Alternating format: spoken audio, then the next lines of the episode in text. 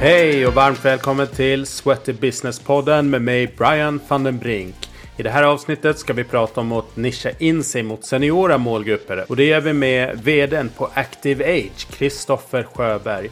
Active Age grundades av Katja Ekvall. Hon kom på idén efter att hon skulle hjälpa sin pappa med träning när han blev äldre och sjuk och skulle ordna en personlig tränare åt honom. Men då stötte hon på problem.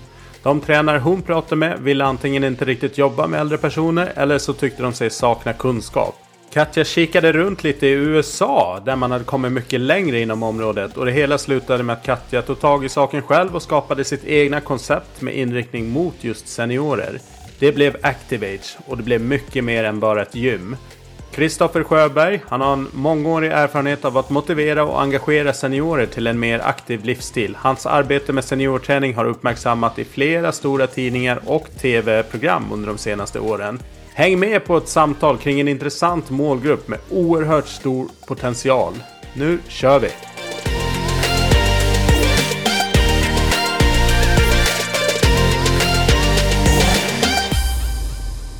Ja, ja, ja, men då är jag på plats på Östermalm eh, hos Kristoffer eh, Sjöberg på Active Age. Välkommen till podden. Tack så mycket.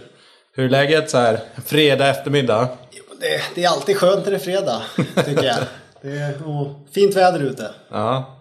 ja, men det är en sån här härlig mm, eftersommar eh, där sommaren hänger kvar. Så att jag, jag älskar ju det. Det värsta jag vet är när sommaren försvinner där i början på augusti. Det blir kallt och liksom muggigt direkt. Ja. Uh, du, vi ska prata om uh, Active Age specifikt och ni är ju liksom, in, er målgrupp är seniorer så att det kommer handla en hel del om liksom, seniorträning och seniormålgruppen. Någonting som vi inte har tagit upp i podden sådär specifikt. Så att det känns väldigt spännande att prata med en, en expert, ett företag som jobbar helt och hållet med den här målgruppen. Mm. Superkul. Eh, några uppvärmningsfrågor då för att komma in i det och innan vi kommer in på Activage. Eh, ditt bästa köp eller investering? Det gjorde jag rätt så nyligen faktiskt. Och det var, eh, jag köpte hus och flyttade från lägenhet till hus. Och det var nog först när jag väl hade flyttat in som jag märkte hur instängd jag hade känt mig i en lägenhet. Ja, härligt. Ja, men det brukar ju bli en bra eh, investering över tid det där. Eh, om man vänder på det, det sämsta köp eller investering? Ja, det, jag funderade rätt mycket på den och har inte några så här tydliga grejer men det... Jag gjorde en investering i ett onoterat aktiebolag här för ett eh, gäng år sedan. Som, eh, ja, det gick inte riktigt som planerat. Men som tur var så var jag, la jag inte in speciellt mycket pengar. Nej. Ja, ja, nej men det kan ju gå lite, lite sådär och den typen av affärer kanske man ibland gör med hjärtat också. Precis. Um, det här gör mig förbannad. Det är väldigt sällan som jag blir förbannad. Uh, jag blir nog oftare besviken skulle jag säga. Och uh, det är nog främst när folk säger att de ska göra saker som de inte, inte gör. Eh, mm. och som jag förväntar mig att ska bli, bli gjort. Yes, håller med där. Om du skulle få obegränsat med pengar till ett eh, enda projekt, vad skulle du då göra? Jag tror att, eller jag vet nog att det är det jag håller på med just nu. Eh, att faktiskt få fler personer som inte kanske befinner sig i träningsbranschen eller vara aktiva att bli mer aktiva. Eh, och kanske kunna bredda det mer och inte bara jobba mot seniorer utan alla eh, målgrupper. Mm. En app som du använder mycket? Eh, Spotify. Favoritträningsform om du får välja? Eh, löpning eh, håller jag på med mycket men sen så, ja men jag simmar, cyklar. Eh, det mesta som innehåller rörelse tycker jag är roligt. Mm. En eh, allround tränande verkar det som. Yes. Här gick det åt helsike. Eh, jag gjorde en elitsatsning inom baseball och lyssnade inte på kroppen. Så att jag körde för hårt. Alright. Hade vilken position? Eh, tredje bas. Ja. Spännande sport som vi inte mm. har så mycket relation till här i Sverige. Men man ser eh, på TV, som oftast blir Major League Baseball, alltså man ser någonting. Jäklar alltså vilka atleter det är ändå. Ja, nej men precis. Det är, många tror att de är otränade men eh, det, det krävs mycket träning. Mm. Ditt bästa tips för återhämtning? Eh, att våga lägga ifrån sig telefonen. Mycket bra. Och sista här på introt. Eh, kanske den största frågan, men vi får se vad du har tänkt till här. Det här behöver träningsbranschen tänka om kring. Lite för mycket fokus på quick fixes. Eh, och där tror jag också att massmedia är bidragande till det. det, det är absolut. Jag brukar faktiskt fota i affären ibland.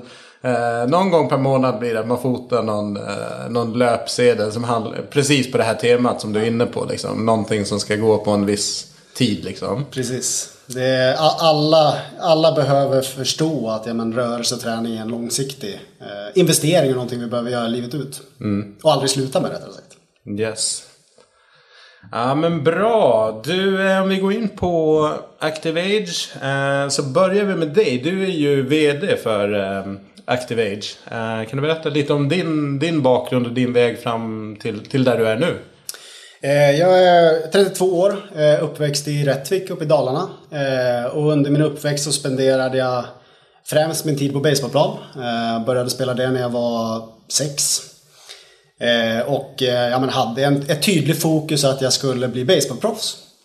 Eh, och var över på college en stund innan jag blev skadad. Eh, och eh, kom tillbaka till Sverige. Visste inte riktigt vad jag skulle göra eh, med mitt liv. Och, men hade bestämt mig att jag ändå ville jobba inom friskvårdsbranschen. Så jag skulle utbilda mig till personlig tränare. Och fick då frågan om om jag ville börja på ett gym ute i Nacka. Mm. Som en vårdcentral skulle starta ett, ett friskvårdsgym.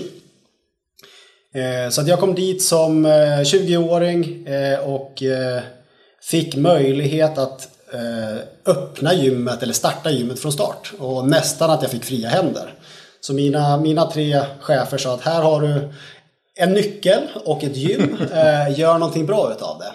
Men det ska ha lite mer fokus mot friskvård, välmående och den seniora målgruppen. Mm. Eh, så där ute så fick jag, eh, som helt ny i branschen, ändå komma in och ta ett väldigt stort ansvar. Både i utvecklingsfrågor, personalfrågor, medlemsfrågor.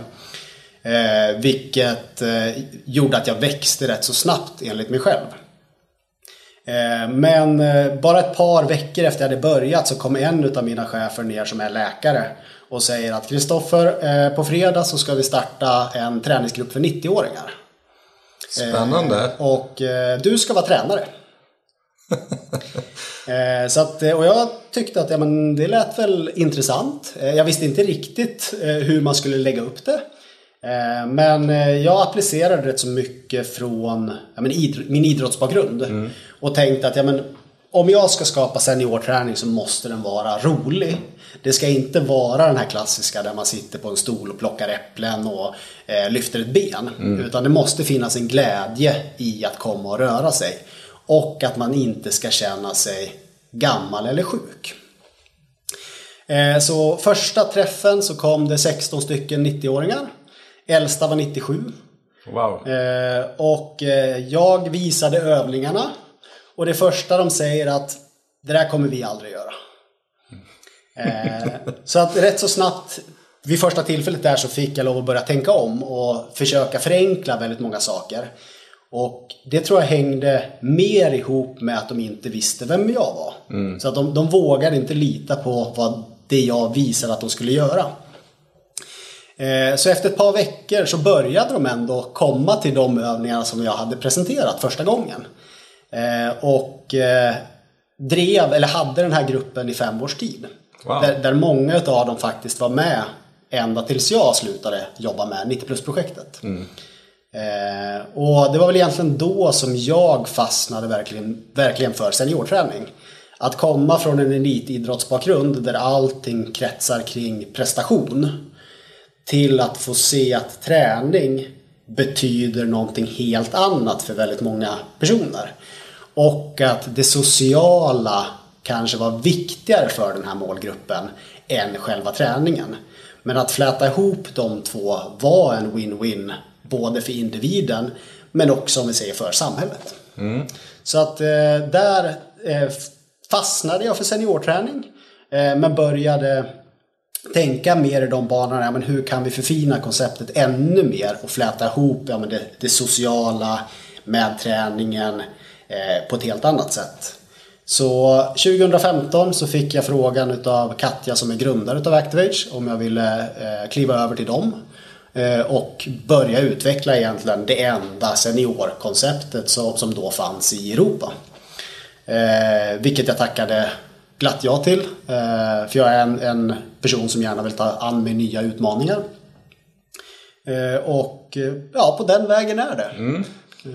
Härligt. Ja, men vi ska snacka mer om, om det. Jag tycker det är så spännande med just den här, när du sa att du skulle, du skulle börja jobba med den här 90 plus-gruppen så kände jag man Ja, men jag personligen i alla fall har jäkligt stor respekt för, för äldre och jag har respekt för PT-klienter som man har haft såklart genom åren. Men det blir ju kanske extra mycket när man har en lite, alltså en målgrupp som måste tänka till lite mer kring att det inte bara tar för givet att man kan göra allt möjligt och på ett visst sätt eh, och sådär. Men att, ja, men att du ändå hittade det och tyckte det var skoj liksom att kunna anpassa ditt ledarskap och din filosofi också till till den här målgruppen? Nej, men sen ett stort problem som jag ser det är att många tror att man är barn och sen blir man vuxen och sen blir man barn igen. Så mm. att det är nästan så att man börjar dalta med den seniora målgruppen.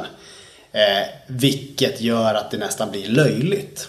Istället för att ja, men, förstå att jag har en person framför mig som har 60, 70, 80 års livserfarenhet och har mm. varit med om så himla mycket mer än vad jag har varit och förstå att ja, men det är den personen jag har framför mig. Eh, och det är mycket respons som jag har fått och som vi får. Just det här att ja, men, personen är en riktig person och en vuxen person. Mm. Eh, så det är någonting som jag tror att hela samhället faktiskt behöver tänka omkring. Verkligen. Ja, nej men du, eh, vad är Active Age då för den som inte har koll på det om du skulle försöka koka ner konceptet och liksom mm. idén? Eh, vi satt ju oss och började rita på vårt första Activate Center 2015. Eh, och då var det ju det här, men vi bestämde oss att vi, vi ska försöka få ett ställe att bli en mötesplats med högkvalitativ träning. Där personen som kommer till oss ska känna att ja, men här kan jag stanna kvar i nästan hela livet ut. Mm. Eh, så att vi, vi började kika på ja, men vad, vad är det vi tror är viktigt för att det här ska fungera. Eh, och en grej som vi kollade på det var ju närheten. Eh, vi tror att ja, men det måste finnas en närhet till centret för att vår målgrupp ska komma kontinuerligt. Vilket gjorde att vi beslutade att men vi kan inte bygga för stora center. Vi måste ha mindre center som har ett litet mindre upptagningsområde. Mm. Där nästan alla medlemmar ska ha, ha promenadavstånd till centret. Ja. Sen har vi märkt att det kommer förändras beroende på vart någonstans man etablerar sig i Sverige. Eh, vi behöver alltid ha bemannat. För det var också någonting som jag hade märkt väldigt tydligt ute i Nacka där att många medlemmar i den seniora målgruppen kom ofta mer för att prata och ha det sociala. Och sen så blev träningen en positiv del i det. Så att vi bestämde tidigt att men vi, vi behöver ha upp, eller bemannat under alla öppettider. Eh, vi behöver ha tränare som, som brinner för målgruppen och verkligen älskar att jobba med målgruppen. Men också har en förståelse för hur den seniora kroppen fungerar. Eh, det betyder inte att de ska vara sjukgymnaster eller att vi jobbar med rehabilitering. Men vi ska förstå förändringarna som sker i en åldrande kropp. Mm. Och även bli ett naturligt steg när du kommer från rehabiliteringen in till friskvården. Eh, och sen att vi vill ha andra öppettider. För att ja, men, som tränare så ska man kunna jobba heltid eh, utan att man behöver jobba nästan sju dagar i veckan. Morgon, luncher, kvällar, helger. Mm. Eh, så att vi bestämde oss att ja, men vi, vi testar att öppet bara vardagar eh, dagtid. Alright, så helgerna stängt alltså och eh, vad är det, 8 till 5 eller? Eh, 8 5 måndag till torsdag, 8 3 fredagar. Eh, Och sen stängt helger, stängt alla röda dagar. Mm. Så det, det, är lite andra öppettider än ett klassiskt eh, friskvårdsgym. Verkligen. Alright, och eh, någon så här typisk medlem eller vilka är det? Vad har ni för spann liksom, på medlemssidan? När, när blir man en senior? När kan man, när kan man bli medlem här? Om vi säger senior blir man faktiskt redan vid 55 om man, om man kollar i Europa. Mm. Eh, och vår primära målgrupp är ju inte från 55 skulle jag säga. Utan det är ju kring pensionsåldern och äldre. Mm. Eh, och det styrs ju väldigt mycket av våra öppettider. Eh, de som är 55-56, ja men de jobbar ju fortfarande. Vilket gör att våra öppettider kan bli ett problem. Eh, så att i nuläget så vår yngsta medlem tror jag är 57 och vår äldsta är 94 eller 95. Eh, med en medelålder kring 70 ungefär. Eh, så det, det, det är ett stort spann. Är det. Ja, det är det verkligen. Och jag tycker det här är intressant. Och vi pratade om det här, här om veckan när vi hade lite försnack på, på telefon. Just att seniorbegreppet, det är ju jäkligt luddigt. För att som du säger, från 55 upp till 94 i ert fall.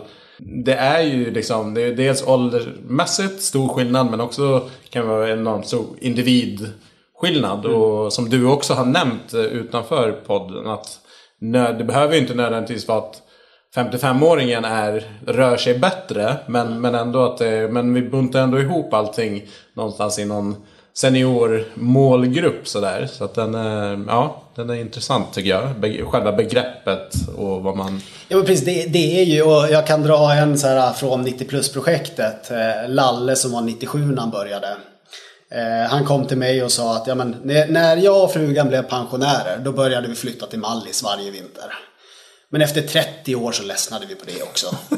eh, och och då, då, får man lite perspektiv på att ja, men, det är 30 år, det är lika gammalt, mm. eller lika många år som jag är. Eh, det är, man har mycket tid när man har blivit pensionär. Ja. Om man har hälsan med sig. Verkligen. Jag undrar, de som är medlemmar, har de liksom en träning, så har de varit medlemmar på andra gym eller liksom att man, man hittar in till träningen för att ni kommer med ett specifikt koncept? Eh, vi, det var också någonting som vi diskuterade rätt så flitigt innan vi öppnade. Men vi, vilken, eller vilka seniorer är det vi riktar oss emot? Eh, och vi bestämde rätt så snabbt att vår målsättning är ju inte att vi ska få över seniorer som redan är aktiva på andra gym att mm. börja hos oss. Utan vi ville ju få in personer som aldrig tidigare varit representerade i friskvårdsbranschen eller som har fastnat i rehabiliteringen. För där, jag har många eh, vänner och bekanta som är fysioterapeuter. Och alla säger att men jag vet inte vart jag ska skicka Nej. Agda 85. För jag vet inte, hon har aldrig varit på ett gym tidigare. Så hon får gå kvar och träna hos oss. Så lite det här att vi ville bli ett naturligt steg för de som kommer från rehabiliteringen som ska sen ut i friskvårdsbranschen. Eh, och sen har vi märkt väldigt, väldigt tydligt att många seniorer som har varit aktiva men det har skett förändringar i kroppen vilket har gjort att de inte har kunnat fortsätta med det de höll på med. Och att då komma till ett ställe där vi faktiskt kan anpassa träningen så att det fungerar. Och att de får, de får en förståelse för varför kanske knät gör ont när de gör vissa saker. Och vi kan förklara hur de ska göra istället. Så just det här att ja, men, ett kunskapsspridande eh, också till, till medlemmarna. Men eh, primära målgruppen är ju ändå medlemmar som inte är aktiva på andra ställen. Mm. Bra. Vad skulle du säga är, är liksom största skillnaden att jobba med seniorer kontra kanske den stora massan som, som är lite yngre, som är på, på traditionella gym. Liksom, vad, vad finns det för eh, byggklossar där som man behöver tänka till kring? Eh, för en, om vi säger en person som är mellan 30 till 40, eh, om man tränar fel så kanske det inte blir samma problematik just då. Medan jobbar man med en senior och rekommenderar helt fel saker så kan det bli problem eller smärta på en gång. Mm. Eh, så att just det här att, att faktiskt förstå individen vi har framför oss och att en senior kropp, det tar längre tid att lära in och vänja in eh, kroppen vid nya rörelser. Eh, och det anser jag det är svårare eh, när vi får in medlemmar som har varit väldigt, väldigt aktiva. För de, de lever ju kvar i vad är det de kan göra. Mm. Personen som kommer in som inte har varit speciellt aktiv. den är väldigt lyhörd på vad den ska göra, vilket är lättare att arbeta med. Eh, men sen så är ju, skulle jag säga, att seniorer, skapar någon man någonting bra så är de väldigt, väldigt positiva och pratar väldigt gott om det. Gör man någonting dåligt så blir det tvärt mm. Det sprids väldigt, väldigt snabbt. Eh, så att just det här att hela tiden kunna leverera väldigt hög kvalitet i allting som vi gör eh, är väldigt, väldigt viktigt för att vi ska fortsätta överleva. Mm.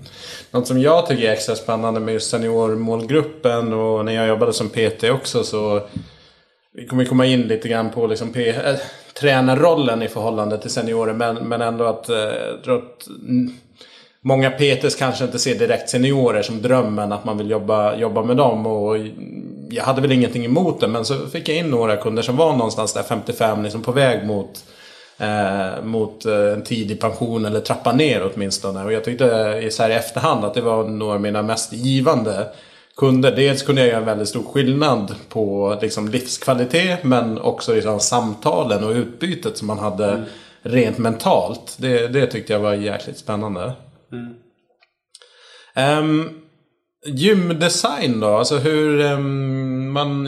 Jag ska, försöka, jag ska lägga upp lite bilder på Instagram-kontot också. Sweater Business Media. Så kan man kika på hur det ser ut. Men det är liksom det är ljus, det är varma färger. Ganska natur, naturinspirerade färger. Eh, många trender sådär generellt sett i gym och träningsbranschen är liksom mörk, nästan nattklubbsfeeling. Det här är ju någonting helt annat. Berätta lite hur ni tänker. Och det är så att när, när man kliver in på ett, ett center så ska man inte uppleva det som ett, ett gym. Utan eh, man ska istället mötas av ett, en vardagsrumskänsla. Eh, och det är också det här att är du senior och aldrig varit på ett gym tidigare så är enligt mig gymmiljön väldigt avskräckande. Eh, och det är också många av våra medlemmar som har sagt att ja, men när man kliver in hos oss så blir man väldigt förvånad för att det känns så, så lugnt och hemtrevligt. Så att halva våra center är en social lounge med soffor, eh, kaffemaskiner, eh, vi har en bokhylla, eh, det händer andra aktiviteter, alltifrån föreläsningar, eh, liknande i, i loungen. Eh, så det är en väldigt viktig del i hela vårt koncept, det här att ett ställe där man kan sitta och socialisera och diskutera. Eh, och sen andra halvan är eh, träning och träningsfokuserat. Men vi jobbar inte med speciellt mycket eh, maskiner eller träningsredskap. Eh, utan där har vi också valt att ta färre redskap och färre maskiner. För att jag anser inte att fler maskiner och fler träningsredskap skapar bättre träning. Utan jag anser att har vi valt ut de maskiner och redskap som vi tycker att ja, men det här kan vi göra mest med och sen placerar in en person som skapar positiv träningsglädje så kommer det väga mycket, mycket mer än att ha jättemycket redskap. Mm. Eh, och framförallt mot den målgruppen som vi jobbar så, så blir det mycket, mycket enklare att förstå och komma ihåg skulle jag säga vad man ska göra med de redskapen som vi har. Just det. Och ytmässigt, hur stora anläggningar siktar ni på? Liksom, vad, vad ligger en, ett ungefärligt eh, Activate Center på? Det, det, vi letar efter och det som är optimalt, det skulle jag säga mellan 180 till 200 kvadratmeter ungefär. Mm. Eh, sen så lite mindre skulle också funka och lite mer skulle också funka. Men, men runt 200 eh, är det som våra befintliga center är och det vi söker efter. Mm. Ja men det är bra. Det, det slog mig när jag kom in. Jag har ju inte varit inne på ett Activage Center tidigare. Att, eh, det, det, var mindre än vad jag trodde. Jag vet inte vad jag trodde men jag antar att min instinktiva benchmark för ett gym eller träningscenter är liksom li, lite större. Men det är väldigt yteffektivt liksom. Så att eh, ja, snyggt eh, upplägg tycker jag. Eh, men medlemskap, hur, eh, hur bygger ni? Är det liksom traditionella liksom, medlemskap som man har ute i, i den vanliga träningsbranschen? Eller hur tänker ni kring eh, medlemskap? Både ja och nej skulle jag säga. Eh, när man börjar hos oss så, så köper man alltid ett åtta veckors paket. Eh, och då har vi två olika som man kan välja mellan. Antingen ett baspaket som inte innehåller någon personlig träning. Men man får alltid en första träff med en personlig tränare. Eh, så att vi, vi tillåter inte någon att komma in och bara börja träna. Eh, och sen har vi ett startpaket som innehåller sex stycken individuella personliga tränarträffar. Eh, men i båda paketen så ligger vårt fokus väldigt mycket på cirkelträning. För det är det som vi är riktigt, riktigt duktiga på. Och det som vi ser att, att våra medlemmar uppskattar och vill delta i. Eh, så att alla medlemmar börjar med åtta veckor. Eh, efter de åtta veckorna så får de bestämma igen om de vill fortsätta eller inte. Eh, trivs de inte, tycker de inte att det är bra eller att det inte är riktigt det de söker efter, ja, men då, då rekommenderar vi dem vidare. Mm. Men de flesta tycker ändå, som har kommit hit tycker ändå att det är bra. Så efter de åtta veckorna så har vi två fortsatta medlemskap. Ett som heter fast och ett som heter rörligt. Och vi jobbar med veckopriser. All right. Eh, så det, det, är väl kanske lite annorlunda mot mm. Eh, hur branschen, övriga branschen jobbar. Eh, så att för ett fast medlemskap så betalar man 139 kronor per vecka. Och då binder man sig för ett år. Och sen har vi det rörliga medlemskapet. Då betalar man 205 kronor per vecka. Men då har man ingen bindningstid och du kan pausa och frysa obegränsat antal veckor ja, när som. Mm. Så att där, där har vi medlemmar som pausar halva året för att de är utomlands eller på sommarstället. Eller medlemmar som reser mycket. Så att då tränar de en vecka, borta två veckor. Tränar mm. två veckor, borta en vecka. Eh, och det medlemskapet har vi ju skapat för att det de gör hos oss ska bidra till att de ska kunna fortsätta göra saker som de älskar. Yeah. Så att eh, medlemskapen ser lite annorlunda ut. Gör de. Mm. Uh, ungefärlig fördelning mellan den, här, den mer flexibla varianten och den ettårsvarianten? Uh, uh, det är ungefär 50-50. Mm. Uh, vilket, om man frågar många andra så, så är det ju lite att vi har skjutit oss själva i foten. För det, det betyder att vi skulle kunna tappa 50% av vår medlemsbas från en vecka till den andra. Efter nu sex år så har det aldrig hänt. Eh, men det gör också att vi hela tiden är på tårna. Mm. Vi, vi, måste leverera den kvaliteten vi står för. För att våra medlemmar ska vilja vara kvar och betala för det. Eh, och jag gillar att jobba så. För, för då kan man aldrig sätta sig på en stol och känna att ja, men, det här, nu, nu har vi lyckats. Utan vi måste hela tiden vara lyhörda. Mm. Nej, men det är en sund inställning som jag tror fler i branschen faktiskt skulle behöva ta till sig. Om, om det är någon kritik jag ska rikta generellt sett mot gymmen. Att man har ju inte varit jättebra på att liksom aktivera och liksom verkligen engagera sig i, i medlemmarna. Utan det har varit mycket så här man får ta in en ny medlem och sen kanske det är någon intro en eller två gånger liksom på en halvtimme. Eh, någonting sånt. Och sen är det ganska fritt. Fri hopp och lek liksom. Men det här att lite hålla folk i handen och hjälpa dem igång.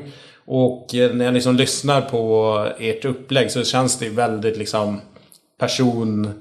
Man bygger connection med personalen men också med liksom gruppen av övriga medlemmar som blir mycket starkare än om man liksom bara går dit till gymmet och kör sitt eget race och liksom inte riktigt bygger någon, någon närmare relation till personal eller andra medlemmar. Nej men då, det, det, skulle jag nog säga, och på vissa ställen så funkar det ju så också. Men, mm. men hos oss så skulle jag eh, säga att det är lite annorlunda för att i stort sett alla våra tränare kan nästan alla våra medlemmar vid namn. Eh, och, och, bara kliva in på ett ställe där någon hälsar med ens namn. Vi har flera om vi säger, solskenshistorier, om man får säga att det är en solskenshistoria, för det är rätt så tragiskt egentligen. Men det var här nu senast ja, men i, i våras. Så kom det in en medlem på, på ett av våra center och så hälsar en av våra tränare, ja, men hej, och så förnamnet. Och personen börjar gråta. Mm. Och säger att du är den första personen som hälsar mig vid namn sedan pandemin bröt ut. Oh, wow. Eh, och, och, då tänker man så att ja, det är en solskenshistoria samtidigt som det är väldigt, väldigt tragiskt. Att vi har personer i den åldersgruppen som inte känner någon samhörighet någonstans och ingen vet vem personen är. Mm. Men att då få komma till oss och vi minns henne efter två års tid. Ja, det, det är som jag säger, tragiskt men, men eh, väldigt härligt när vi får den responsen.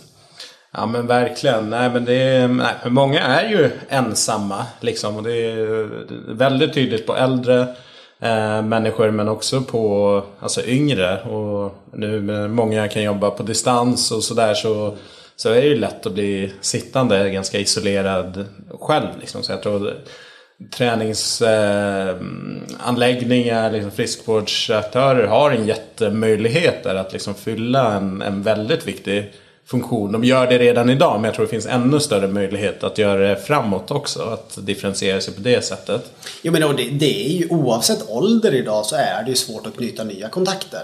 Mm. Eh, och ja, men lite som du sa här innan Brian att på, på många gym så har alla hörlurar på sig. Vilket gör att man, man pratar ju och hälsar inte på det sättet. Nej. För att alla är inne i sin lilla bubbla. Eh, så att eh, jag tror att friskvårdsbranschen kan vara en väldigt, väldigt viktig del för att skapa nya kontakter. Som kanske föreningslivet var mer för 10-15 år sedan. Verkligen. Medan nu har det blivit svårare även där. Mm. Nej, jag håller med. Eh, hur ser ni på det här liksom, psykosociala och liksom att knyta ihop eh, i förhållande till träning? För att i ja, gymmen blir ju ofta väldigt mycket fokus på träningsdelen och liksom vilka effekter det kan ha på, på den personliga hälsan. Men om man ska rent krasst liksom, så kanske hjärnan och liksom har större effekt egentligen på, på kroppens, kroppens hälsa. Hur, hur viktig är den biten för att få ihop er? Eh, jag skulle säga att det, det, är en jätteviktig del av vår verksamhet. Eh, och, och, det är ju också så som vi har byggt vår, vår verksamhet. Att ja, men halva vårt center är för ja, men den sociala biten. Eh, och vi följer statistik väldigt noggrant. Eh, och en av de viktigaste parametrarna som många gym har, men det är ju besök. Mm. Men, men, vi räknar ju inte besök bara om man kommer och tränar. Utan vi räknar ett besök om man kommer och tar en kaffe och sitter i vår lounge. Just det. Eh, och, det är också det här som jag tycker är intressant med den målgruppen vi jobbar. För den personen som bara kommer till oss och dricker en kopp kaffe en dag att röra sig från sin lägenhet till oss och sen hem igen. Bara det är aktivitet och kanske tillräckligt för den individen den dagen. Eh, så att ja, men vi, vi jobbar väldigt, väldigt mycket med det och eh, det är också en viktig del i vår eh, verksamhet. Och lite som, som du stötte på när du kom idag Brian, att ja, men då hade vi en grupp som skulle ut på stadsvandring som anordnas av en av våra medlemmar. Vi hade en annan grupp som skulle ut och dricka vin tillsammans och vi hade en grupp som skulle ut och spela boll. Mm. Eh, så just att ja, men det skapas så mycket mer i våra verksamheter än bara själva träningen. Eh, och för vissa så är den sociala biten kanske viktigare än träningen. Mm. Men de får ändå en liten släng av träningen. Och sen för andra så är träningen det viktigaste. Men de får en liten släng av, äh, av det sociala. Mm. Eh, och där har vi tyvärr märkt och sett nu på slutet att det är, det är par som har börjat träna hos oss. Och då var träningen huvudfokus. Sen har en av dem fallit bort. Ah. Och helt plötsligt har den sociala biten kanske blivit det mest viktiga. Och att då redan innan ha ett ställe där man känner sig trygg, där man kan hitta på andra saker, eh, tror jag bidrar enormt mycket till livskvaliteten och eh, folkhälsan. Ja, verkligen. Och vara med människor som kanske har, vissa har upplevt samma sak som man själv går igenom. Det är som om ens livspartner går bort. Dessutom högt upp i åldrarna så, så är det ju en enormt stor eh, livsförändring såklart.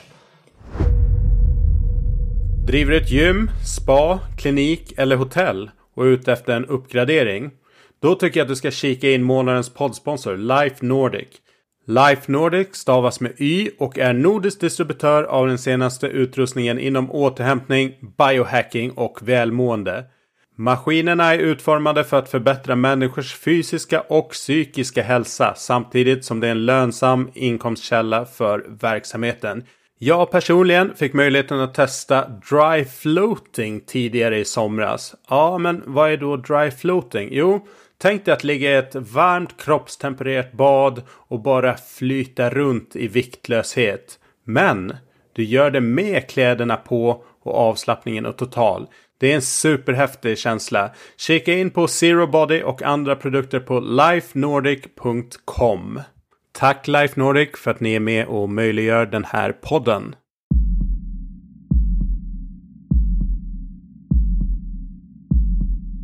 tränaryrket, alltså som PT, för ni har bara, enbart PTs, eller hur? Som jobbar ja. här, som, dels med liksom individuella sessioner men som också håller i cirkelpassen. Mm. Och en stor utmaning i yrket PT, det är just det som du var inne på att hur människor tränar generellt sett. Det är som tidig morgon, det är kring lunch, det är kvällar, det är helger. Liksom man vill gärna som Peter ha en så hög tillgänglighet som möjligt. Men det gör ju också att hållbarheten för många blir liksom inte vad den, vad den skulle kunna vara. Kanske. Hur tänker ni kring, eh, kring det här? Nu blir det kanske ganska naturligt i och med era öppettider. Ja. Men, men vad har ni för tänk kring liksom att bibehålla personal och liksom att de ska också må bra? Nej, men det, som jag var inne på tidigare här så, så våra öppettider gör ju att vi, våra tränare kan jobba på ett helt annat sätt. Eh, och eh, vi heltidsanställer eller deltidsanställer alla våra tränare. Mm. Eh, beroende på vad de själva önskar och hur det ser ut i verksamheten. Eh, vi har fasta månadslöner så att vi jobbar ingenting på provisionsbasis eller liknande. Utan de vet vad de har eh, i sin månads, som månadslön. Eh, vilket gör att de kan fokusera mer på att sprida och skapa den här positiva stämningen på våra center. Och verkligen bidra till att våra medlemmar trivs. Istället för att fundera på men hur många PT-timmar kommer jag sälja nästa vecka eller om mm. två veckor. Eh, och sen så just att man jobbar från ja, 07.30 till senast 17.30 måndag till torsdag. Och fredagar från 07.30 till 15.30. Och sen alltid ledig helger, alltid ledig röda dagar. Eh, så det gör ju att våra tränare stannar väldigt lång tid. Vi har många, eller flera som har varit med nästan från start. Eh, och det är ju någonting som är oerhört viktigt för vår målgrupp också. Mm. Att faktiskt veta att ja, men jag träffar Kristoffer varje dag, varje gång jag kommer dit. Och han vet att ja, men jag har lite problem med höften eller jag har lite balansproblematik. Så att det blir en helt annan trygghet för våra medlemmar när det är samma personer som, som de möter.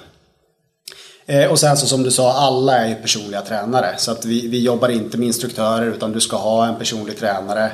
Eh, och eh, vi ställer ju kravet att man ska ha ja, ptlicens.se så finnas registrerad där. Mm. Eller ha ja, fysioterapeut eller liknande också.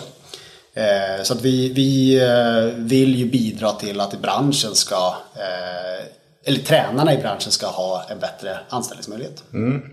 Och just specialistkompetens mot eh, seniormålgruppen. Hur utbildar ni själva? Eller liksom, för är, när jag skannar av utbildningsmarknaden så det, det, finns ju inte liksom en uppsjö av seniorträningsutbildningar. Det är liksom snarare tvärtom, att det är svårt att hitta någonting. Hur jobbar ni där? Nej, men det, det är faktiskt jättesvårt att hitta eh, bra utbildningar just riktade mot seniorträning. Nu har ju ja, men, medicinsk tränare kommit så, så några av våra tränare har gått medicinska tränarutbildningen. Eh, men sen så samarbetar vi med ett amerikanskt företag eh, som levererar en digital seniortränarutbildning.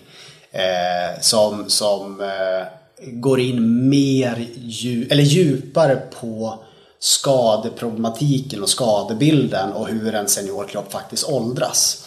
Eh, jag skulle säga att utbildningsbranschen har någonting att jobba med. Eh, mm. Att faktiskt hitta andra utbildningar för den seniora målgruppen som fokuserar på vad man kan göra istället för vad man inte ska göra. Eh, för det, det upplever jag både inom politiken och inom branschen är det mer fokus, ja men nu har du blivit 65, då kan du inte göra det här.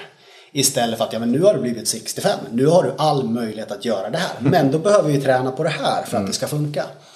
Eh, så att eh, ja, men våra tränare, eh, alla är personliga tränare, eh, de är vidareutbildade, vissa är medicinska tränare.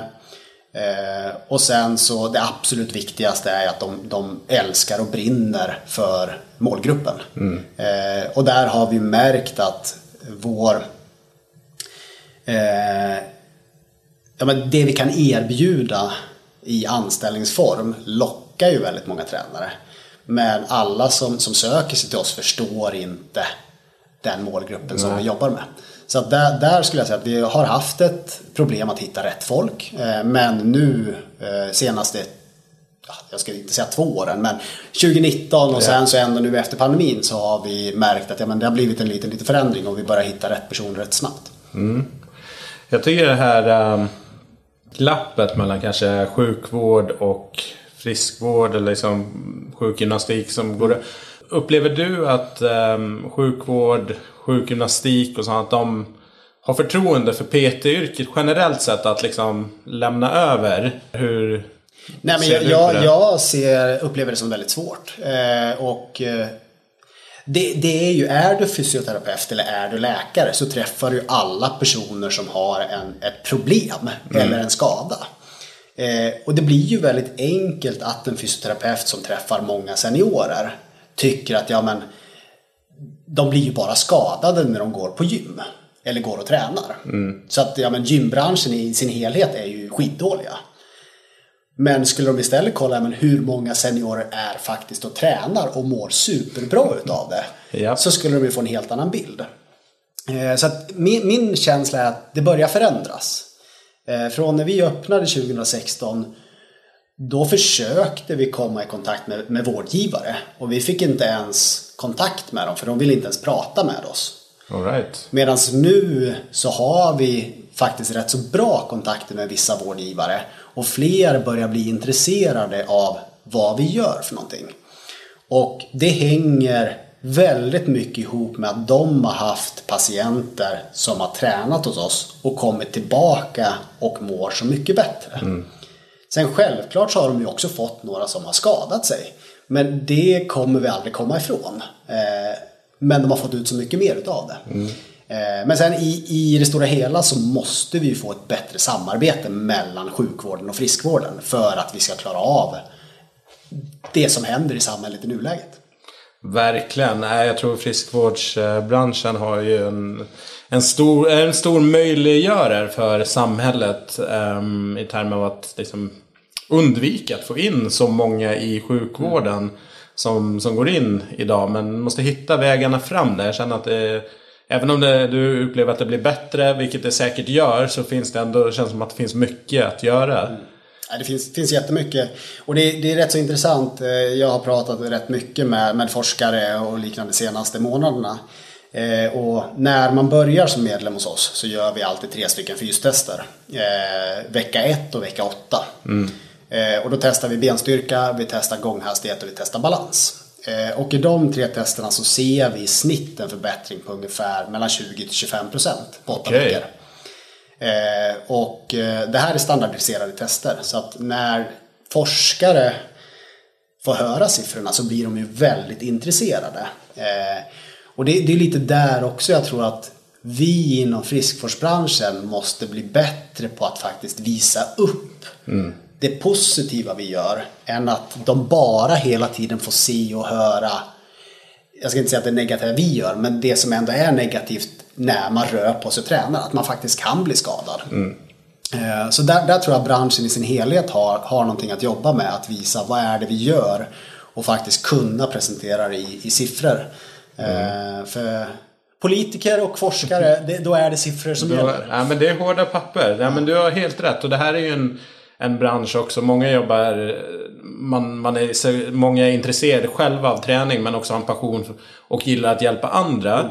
Mm. Eh, och kanske går många gånger på de många fina mjuka värdena, alltså upplevelser man upplever och observerar hur folk liksom blir, mår bättre, mm. rör sig bättre, kanske tappar vikt eller vad det nu kan vara för någonting. Men att den här mätningsdelen, att liksom få med ganska enkla medel tror jag att rätt många skulle kunna samla in data från sina medlemmar på liksom en, en utveckling och ändå få liksom svart på vitt. Liksom. Och även på de här mer mentala faktorerna, för det går ju också att, att skatta och liksom mm. få, ett, eh, få ett mått på en utveckling, hur, hur det känns rent eh, mentalt. Ja, ja precis, precis.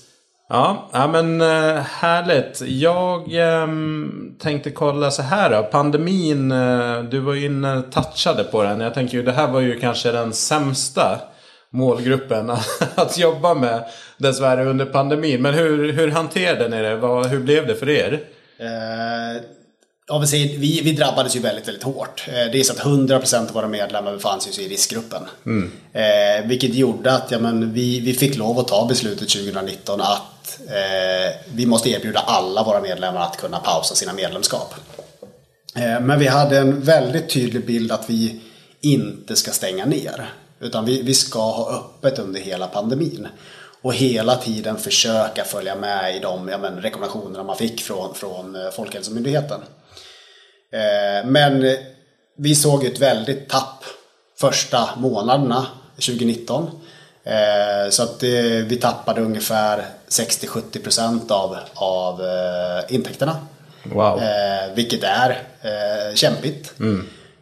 samtidigt som jag tror, och det tror jag flera i branschen också upplevde, att korttidspermitteringarna, ja men det var en bra tanke.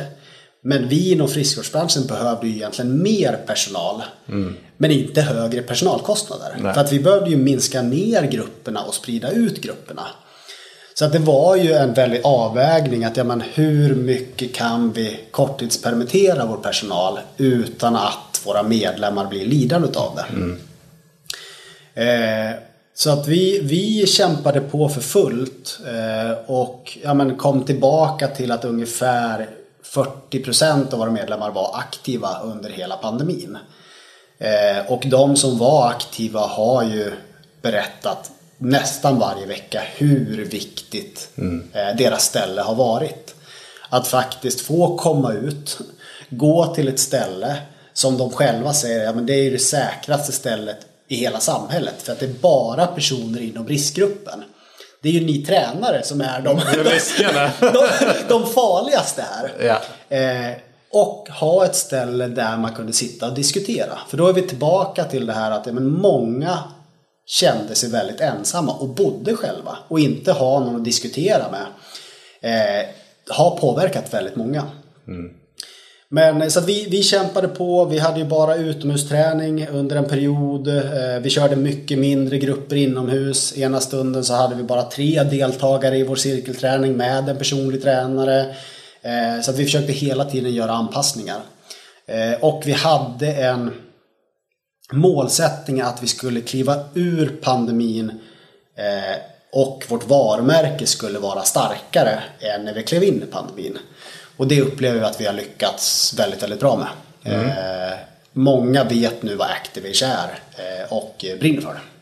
Verkligen. Äh, men det är snyggt jobbat. Det fanns en starkt ändå med en sån utsatt målgrupp och hålla igång 40% av dem genom liksom hela pandemin. Mm.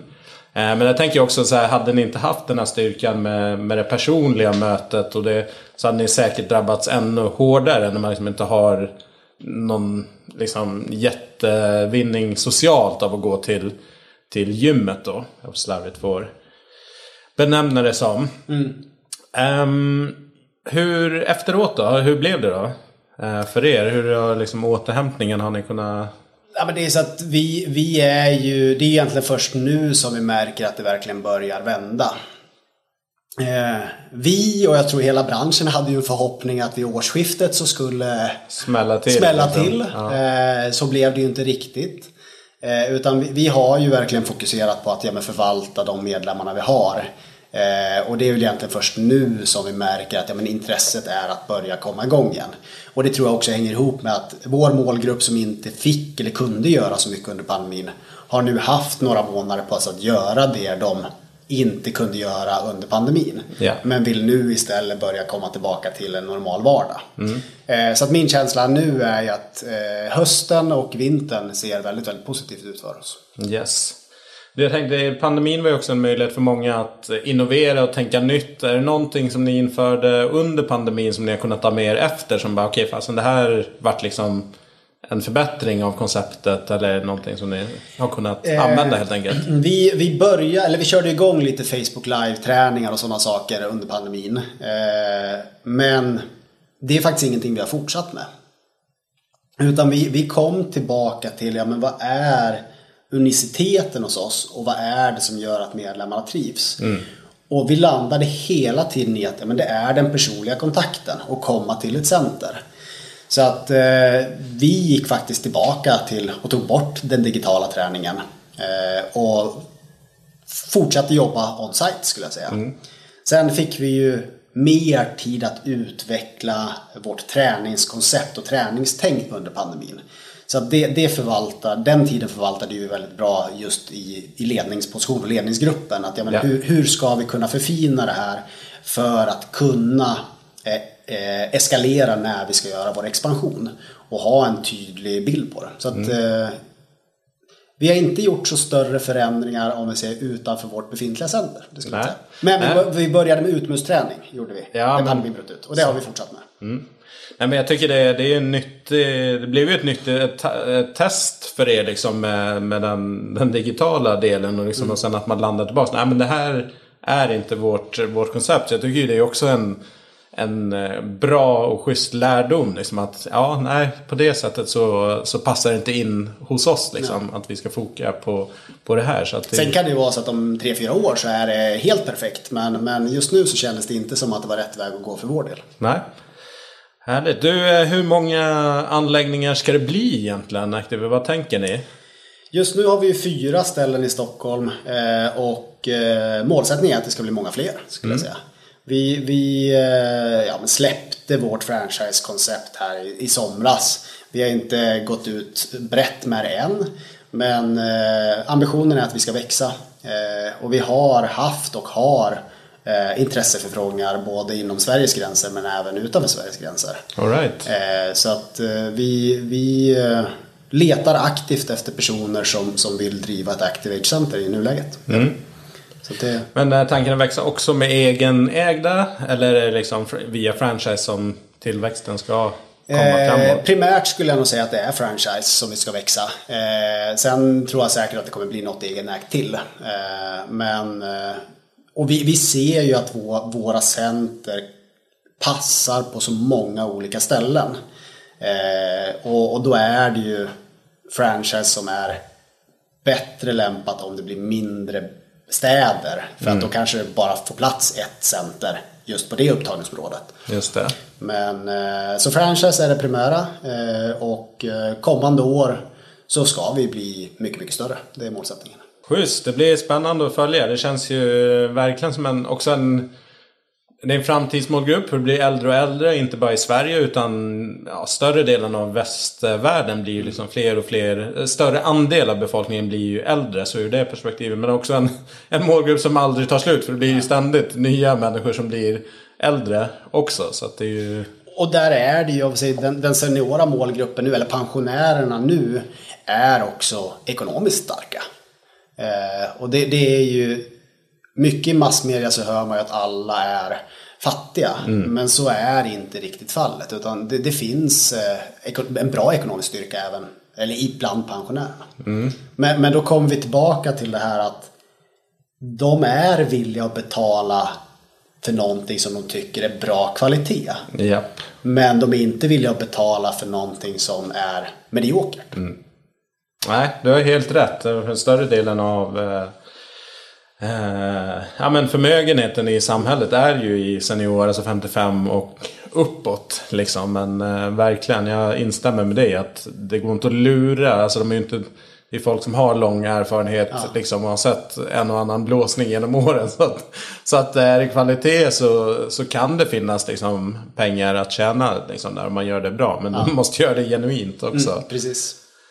Ehm, finns det någon sån här eh, klassisk fallgrop som när du tänker tillbaks under tiden från 2015 när ni liksom lanserade till, till idag som är så här, ah, där gick vi, där gick vi bet. Någon, någon miss eller någonting som Ja, är det, ändrat. det, vi, eh, vårt första center på Södermalm, då, då ritade vi upp vad vi, vi trodde ett center skulle se ut.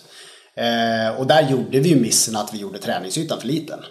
Ah, okej. Så, att, så att vi märkte ju rätt så snabbt när vi hade kört igång att ah, men shit, det, vi behöver mer träningsyta. Och då hade vi turen att vi hade byggt ett konferensrum också. Så att eh, rätt så snabbt så fick vi lov att plocka vårt konferensrum till träningsyta. Eh, så där skulle jag väl säga att inte någon större fallgrop men, men vi märkte ju rätt så snabbt att vi hade tänkt eh, lite galet. Eh, sen så i det stora hela så har det mesta ändå fungerat väldigt, väldigt bra. Eh, Men en grej till, ja, men jag ska inte säga att det är en fallgrop, men eh, när vi började så var det bara startpaketen som vi sålde. Så att Ja. det enda alternativet vi hade när man började hos oss, det var med sex stycken personliga tränarträffar i sig, vilket gjorde det mer kostsamt. Och enligt mig så är ju det det bästa paketet för alla. Ja. Att få, få den här hjälpen av personliga tränare. Eh, men priset var ju en faktor. Eh, och jag höll rätt så hårt i att vi inte skulle införa någonting annat under ett par, par års tid. Eh, och nu när jag blickar tillbaka så kanske vi skulle ha infört ja, men baspaketet mycket, mycket tidigare. För att det skulle finnas två olika alternativ i det. Så mm. det är kanske en sån lärdom att man ska hålla hårt i, i sin tanke och sin idé men ibland så måste man släppa den. ja, jag vet inte, det finns ju något känt citat om, om principer. Att jag har, jag har mina principer men om det inte duger så finns det andra som jag kan ta fram. Ja, ja men lite så. Lite så.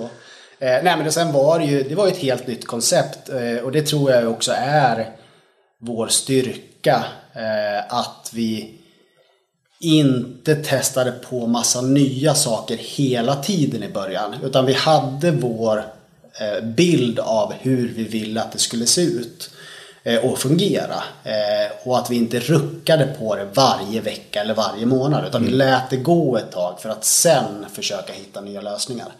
Sen har vi hela tiden utvecklat det under alla års tid och det kommer vi även fortsätta göra. Mm. Nej men det måste nog alla alla verksamheter som vill vara relevanta framåt måste ju ständigt liksom se över och, och finjustera ja. saker. Och ibland göra lite större språng helt enkelt. Precis. Men om man tar pers lite personligt då. Det är din roll som, som VD. Vad tycker du är liksom mest utmanande i din, din vardag? Eh, jag tror nog att alla som har varit med i ett företag från start, eh, där det sen börjar bli lite, lite större, har nog upplevt samma grej som jag. Att man går från att göra allt och vara allt till att sen ska man försöka att fokusera på en grej eller utveckling och släppa de andra delarna. Eh, så att just nu så är vi i den här fasen att ja, men vi, vi börjar bli, vi är tio stycken som jobbar i Activage. Vi ser en expansionsplan. Jag behöver ta ett steg lite tillbaka från den dagliga driften och släppa de delar som jag brinner för också. Eh, och, så den största utmaningen för mig senaste halvåret skulle jag säga, det är ju att, att våga ta ett steg tillbaka i vissa lägen. Eh, och, och lita på de andra eh, som jobbar i verksamheten. Men också lita på vår affärsmodell och mm. våra rutiner. Eh, så att, eh, ja men våga ta ett steg tillbaka. Mm. Ja men det är en sund eh, insikt och ibland lättare sagt än, än gjort. Särskilt de som dig som har varit med från start och liksom ja, ibland kanske man känner att det går snabbare om jag gör det. Men... ja, men lite så att det går snabbare om man gör det själv och sen att man vet man har ju alla tankar hur man hade tänkt det, mm. hur man har gjort det och hur man har byggt det. Eh, och just det här att faktiskt acceptera att ja, men, för andra så kanske det inte är lika solklart. Nej. Utan man måste acceptera att det blir lite förändringar men att vi alla har en samsyn. Är det något från pandemin då som du tar med dig särskilt mycket som någon lärdom eller liksom tanke för framtiden? Så? Eh, jo men att rörelse eh, och eh, gemenskap är en oerhört viktig del i ja, men seniorers vardag. Eh, och jag tror att det var först under pandemin som vi verkligen insåg hur viktig vår verksamhet är. Och att våra medlemmar också insåg att ja, men, jag hade inte klarat mig utan det här. Eh, så just det att, ja, men, att vi kan få träning och det här sociala och att det är en sån oerhört viktig del för vår målgrupp. Och att vi i Activate känner att ja, men, vi gör någonting helt rätt. Eh, och någonting som vi vill dela, dela med oss av till fler. Mm. Eh, och sen så att få fler att inse att ja, men, det billigaste är inte alltid det bästa för individen utan ibland så måste man betala lite mer för att få en bättre tillbaka. Verkligen, håller jag med om. Eh, men inspiration till liksom utveckling av koncept och sådär. Vad, vad hämtar ni det någonstans? Kikar ni någonting på andra aktörer eller liksom internationellt? Eller vad? Jag kan inte säga att vi har, eller att jag har någon så här exakt att men de kollar jag på eller de följer jag. Utan eh, jag anser själv att jag är väldigt lyhörd och väldigt intresserad. Eh, inom alla branscher. Eh, så att jag skulle säga att jag, jag hämtar inspiration från alla olika branscher. Eh, men har ändå en tydlig bild själv vad jag själv vill försöka uppnå för någonting. Mm. Eh, och jag är ju lite rädd för att eller jag anser att många kanske kollar lite för mycket på vad andra gör och bara försöker kopiera mm. och inte riktigt vågar ta egna initiativ eller ta egna steg. Eh, så man ska kolla på eh, konkurrenter, man ska kolla på omgivning och andra aktörer men man ska också stå fast vid, vid sin ståndpunkt och vad man själv tror på. Mm. Nej, jag är enig där. Det finns ju något talesätt att man aldrig kan bli nummer ett om man hela tiden kopierar mm. andra. Så att uh, inspireras och kika runt sådär men att ha sin egen vision, liksom bild tror jag är superviktig mm. också. Um, du, jag är lite nyfiken på så här, var, var, hur hittar ni nya medlemmar? Var, liksom, kan du ge någon, någon slags bild av hur ni, hur ni gör där? Nej, men som jag sa tidigare så jobbar vi ju väldigt lokalt just för att vi, vi bygger mindre ställen. Eh, så att eh, senaste åren så har vi jobbat väldigt mycket med lokalpress. Så att tryckt media, vilket kanske inte så många andra jobbar med. Eh, och sen är det ju mycket mun till mun. Eh, att lyckas vi få in medlemmar och vi gör det bra så kommer de prata med sina vänner och bekanta. Eh, och det märker vi ju nu när vi har fyra center att det blir ju lättare och lättare för varje medlem som kommer, kliver in. Mm. För att då har vi en mycket, mycket bredare eh, bas att faktiskt jobba med. Just. Eh, men sen som nu, ja men senaste jag ska säga, halvåret så har vi jobbat lite mer med sociala medier och de bitarna också. Eh, och börjar se en, en helt okej okay effekt där. Eh, och om man kollar på, som på Facebook så är det ju egentligen vår målgrupp nu som är de mest aktiva på, mm. på den plattformen. eh, så att eh, egentligen så är det, vi ska blicka tillbaka 7-8 år och så ska vi bara kopiera det man har gjort då. Ja, Nej, men det är fasen smart och jag är ju väldigt pro tryckta mm, liksom, saker. Så att du får hem någonting fysiskt eller liksom ett...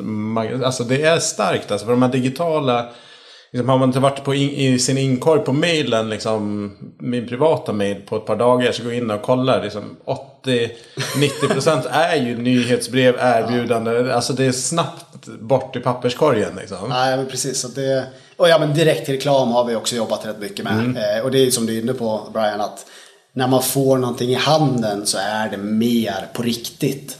Och kanske ännu viktigare för vår målgrupp. Mm. Jo, men man tittar ju åtminstone på vad det är man får i posten. För man vill ju inte slänga någonting viktigt. Och är det någonting som sticker ut så kikar man ju ännu mer på ja. det. Så att, uh, ja, det är en uh, ja, men intressant spaning. Liksom, att gå lite retro på marknadskanalen. Alltså, så kan man pricka rätt här.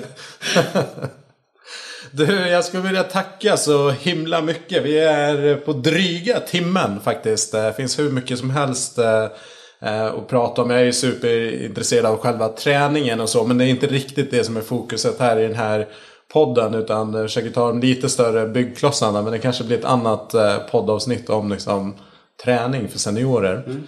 Eh, men du, stort tack för att du deltog. Om man skulle mm, vilja ha mer info, kanske är sugen på det här franchise-konceptet. Var kan man kolla mer på det? Eh, man kan gå in på vår hemsida som är activagecenter.com. Eh, och där finns mina kontaktuppgifter och sånt också. Mm. Och man hittar all information kring ja, våra medlemskap, hur vår träning går till, men också franchise-delen och de bitarna. Yes. Så det, det är bara att kika in på vår hemsida och kolla. Kolla i avsnittsbeskrivningen på poddavsnittet. Där länkar jag in till, eh, till eh, hemsidan. Så om man inte fick med sig alla bokstäverna där. Eh, du, avslutningsfrågan. Ehm, Vilken låt ska vi gå ut det här avsnittet på?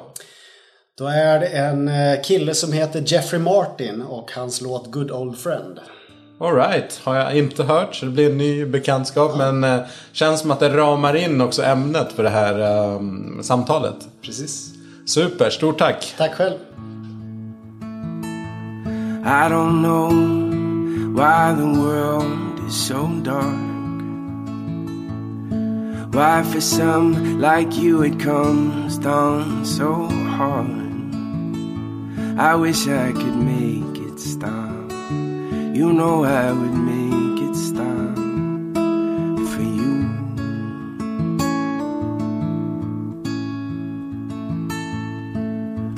Don't go chasing after trouble. Trouble's always chasing after you. And your eyes are not how I remember. Where did you run to? Where did you